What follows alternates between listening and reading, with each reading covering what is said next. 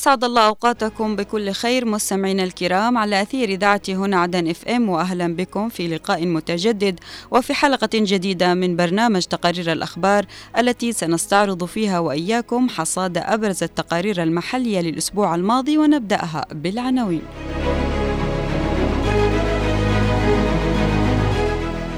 الرئيس الزبيدي يشدد على ضرورة عدم التهاون أو التساهل مع أي تجاوزات من أي كان. جهود دؤوبة من الرئيس الزبيدي بدعم دور السلطات القضائية في إنفاذ القانون. استئناف إنتاج الإسفلت أولى ثمار جهود الرئيس الزبيدي لإعادة عمل مصافي عدن. بدأ العد التنازلي ليرى مشروع الطاقة الشمسية في عدن النور خلال الأسابيع القادمة.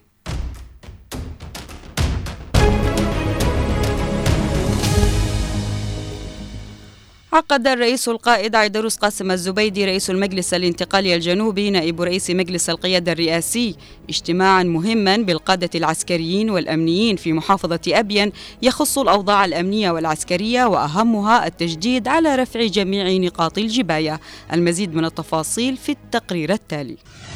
شدد الرئيس القائد عيدروس قاسم الزبيدي رئيس المجلس الانتقالي الجنوبي القائد الأعلى للقوات المسلحة الجنوبية نائب رئيس مجلس القيادة الرئاسي على ضرورة عدم التهاون أو التساهل مع أي تجاوزات من أي كان وذلك للحفاظ على المكتسبات التي تحققت بفضل التضحيات الجسيمة التي قدمها الشهداء الأبرار وفي مقدمتهم البطل عبد اللطيف السيد.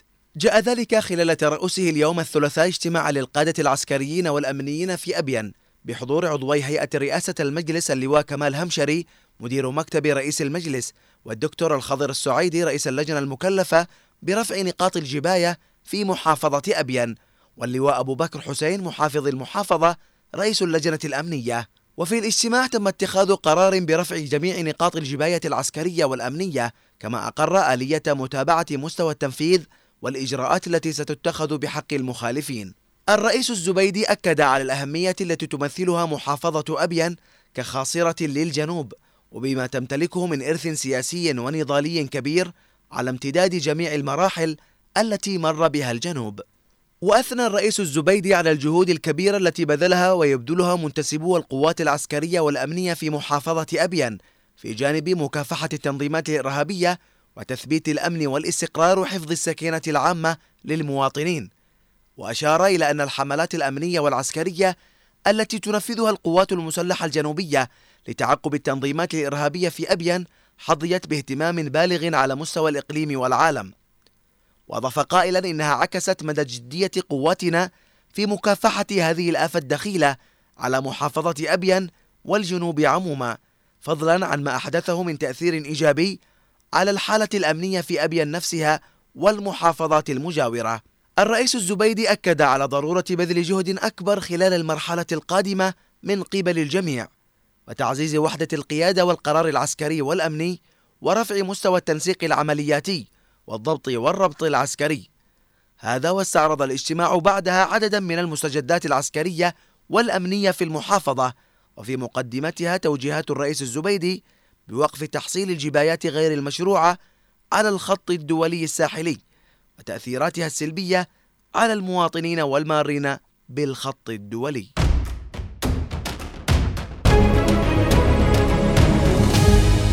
يضع الرئيس القائد عيدروس الزبيدي استقلالية القضاء على رأس اهتماماته لتفويت الفرصة عن أي مخطط تضعه القوى المعادية للجنوب وقضية شعبه عن أي محاولة لاختراقه.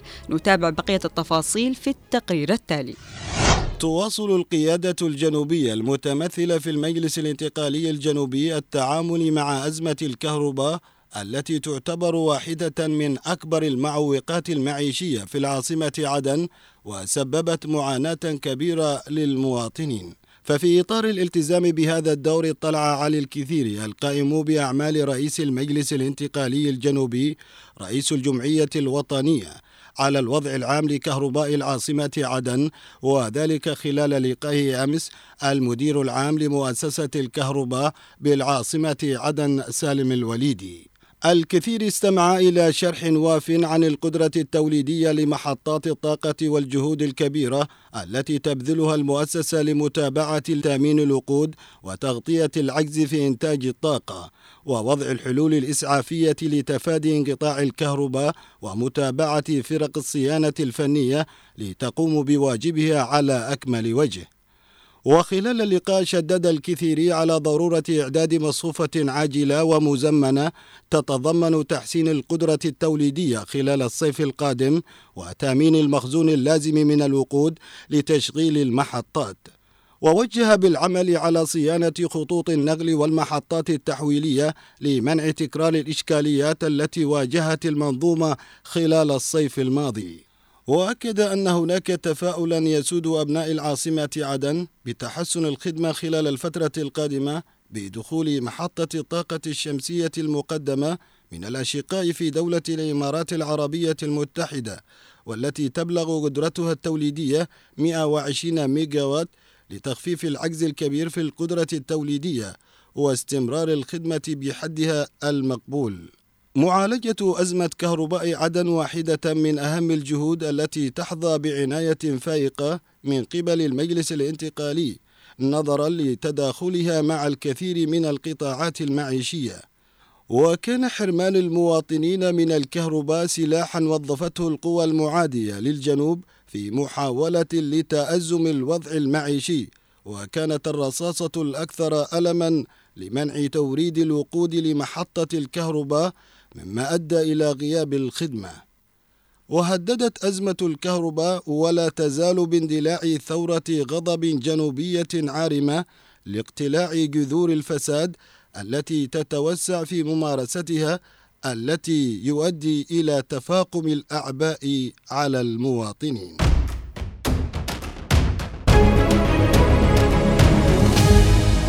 استأنفت وحدة إنتاج الإسفلت بمصافي عدن أعمالها بطاقة إنتاجية أولية 15 طن في الساعة بفضل مساعي الرئيس القائد عيدروس قاسم الزبيدي وتأكيده على ضرورة إعادة تشغيل شركة مصافي عدن خلال زيارته في أغسطس الماضي بعد توقف عملها كليا منذ 2015 للميلاد. نتابع بقية التفاصيل في الرسالة الصوتية التالية التي وافانا بها مراسلنا الزميل عبد رب اليزيدي. بعد توقفها كليا لثمانية أعوام أعادت وحدة إنتاج مادة الإسفلت في شركة مصافي عدن للعمل كأولى بشائر مساعي الرئيس عيدروس الزبيدي لعودة استئناف عمل مصفاة عدن بطاقتها الكاملة كما كانت قبل 2015 توقفت الوحدة من عند إنتاج الأسفلت منذ عام 2015 حوالي ثمان سنوات. وبفضل الله وفضل جهود العمال والفنيين والمهندسين تم إعادة تشغيل الوحدة على الرغم من آه، محطة الطاقة لا زال متوقفة ولكن أضيفت بعض التعديلات وحتى تم تشغيلها والحمد لله الآن هي شغالة من يوم أمس. بطاقتها القصوى بإنتاج إسفلت وكامل المواصفات. قام الرئيس القائد بزيارة المصفاة ودائما على تواصل وجهوده مشكورة باستعادة دور المصفاة وتذل الصعاب أمام الجهات المختصة وكان حافز للجميع هذا الدعم المعنوي الذي قدمه الرئيس القائد عيدة الزبيدي. استئناف عمل الوحدة جاء عقب استكمال أعمال الصيانة اللازمة لها وذلك في إطار الجهود المبذولة لاستعادة نشاط المصفاة. ودورها في تغطية احتياجات السوق المحلية من المشتقات النفطية ورفد الاقتصاد الوطني والكف عن الاستيراد. طبعا آه، بدأنا في المصافي الآن أول ورشة آه، شغلناها هي ورشة الإنتاج الإسفل. طبعا في مر... هي الآن في المرحلة الأولى في التشغيل اللي يعتبر اليوم الثاني. والإنتاج حوالي تقريبا 15 آه، طن في الساعة. طبعا هذا في البداية ممكن يطلع إلى 30 آه 30 طن في الساعة بيكون. منتوج ماشي إن شاء الله تمام.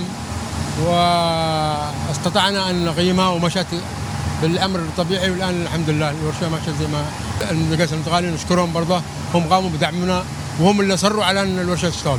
جهود الرئيس القائد عيدروس الزبيدي لتشغيل مصفاة عدن بثت مشاعر التفاؤل لدى المواطنين في عدن والجنوب كافة أن تعود شعلة المصافي مجددا كونها أهم الرموز الاقتصادية في عدن منذ إنشائها في عام 1952 وكانت تدر المليارات سنويا وتشغل آلاف الأيادي العاملة. في أغسطس الماضي أكد الرئيس الزبيدي من هذا المكان على ضرورة استئناف عمل مصفاة عدن. وها هي اليوم تعود وحدة إنتاج الإسفلت للعمل بعد ثمانية سنوات متواصلة من التوقف على أمل لاستعادة عمل المصفاة بشكل كامل.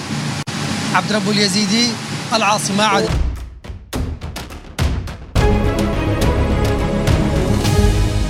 خلال اجتماع مشترك لقيادة المؤسسة العامة ومؤسسة كهرباء عدن والجهات ذات العلاقة تم مناقشة الأعمال المنجزة من محطة الطاقة الشمسية حيث أكد مختصو الشركة المنفذة استكمال 97 من أعمال تركيب الألواح الشمسية. تفاصيل أوفى في سياق هذا التقرير.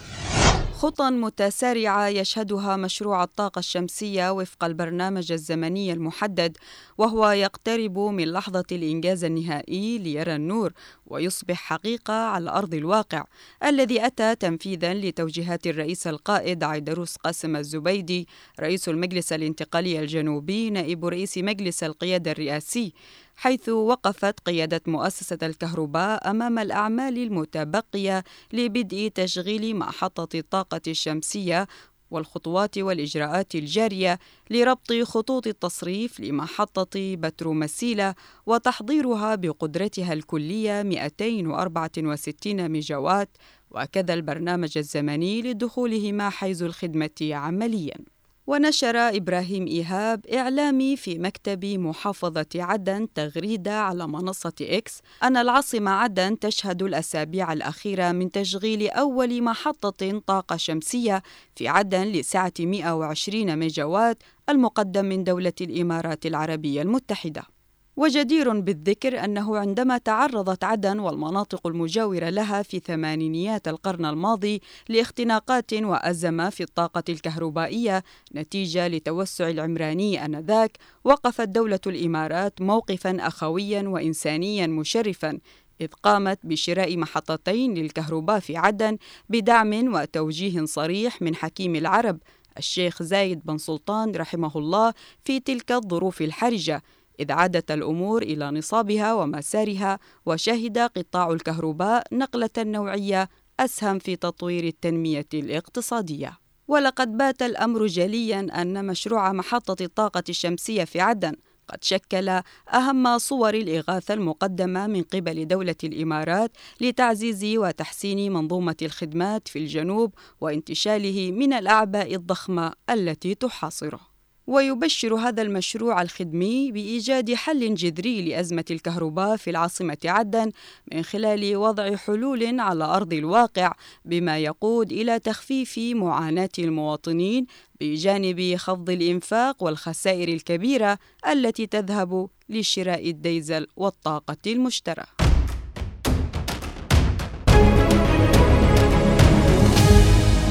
مستمعينا الكرام إلى هنا نصل إلى ختام هذه الحلقة من برنامج تقارير الأخبار. كنت معكم من الإعداد والتقديم أنا عفراء البيشي ومن الإخراج نوار المدني أطيب التحية إلى اللقاء.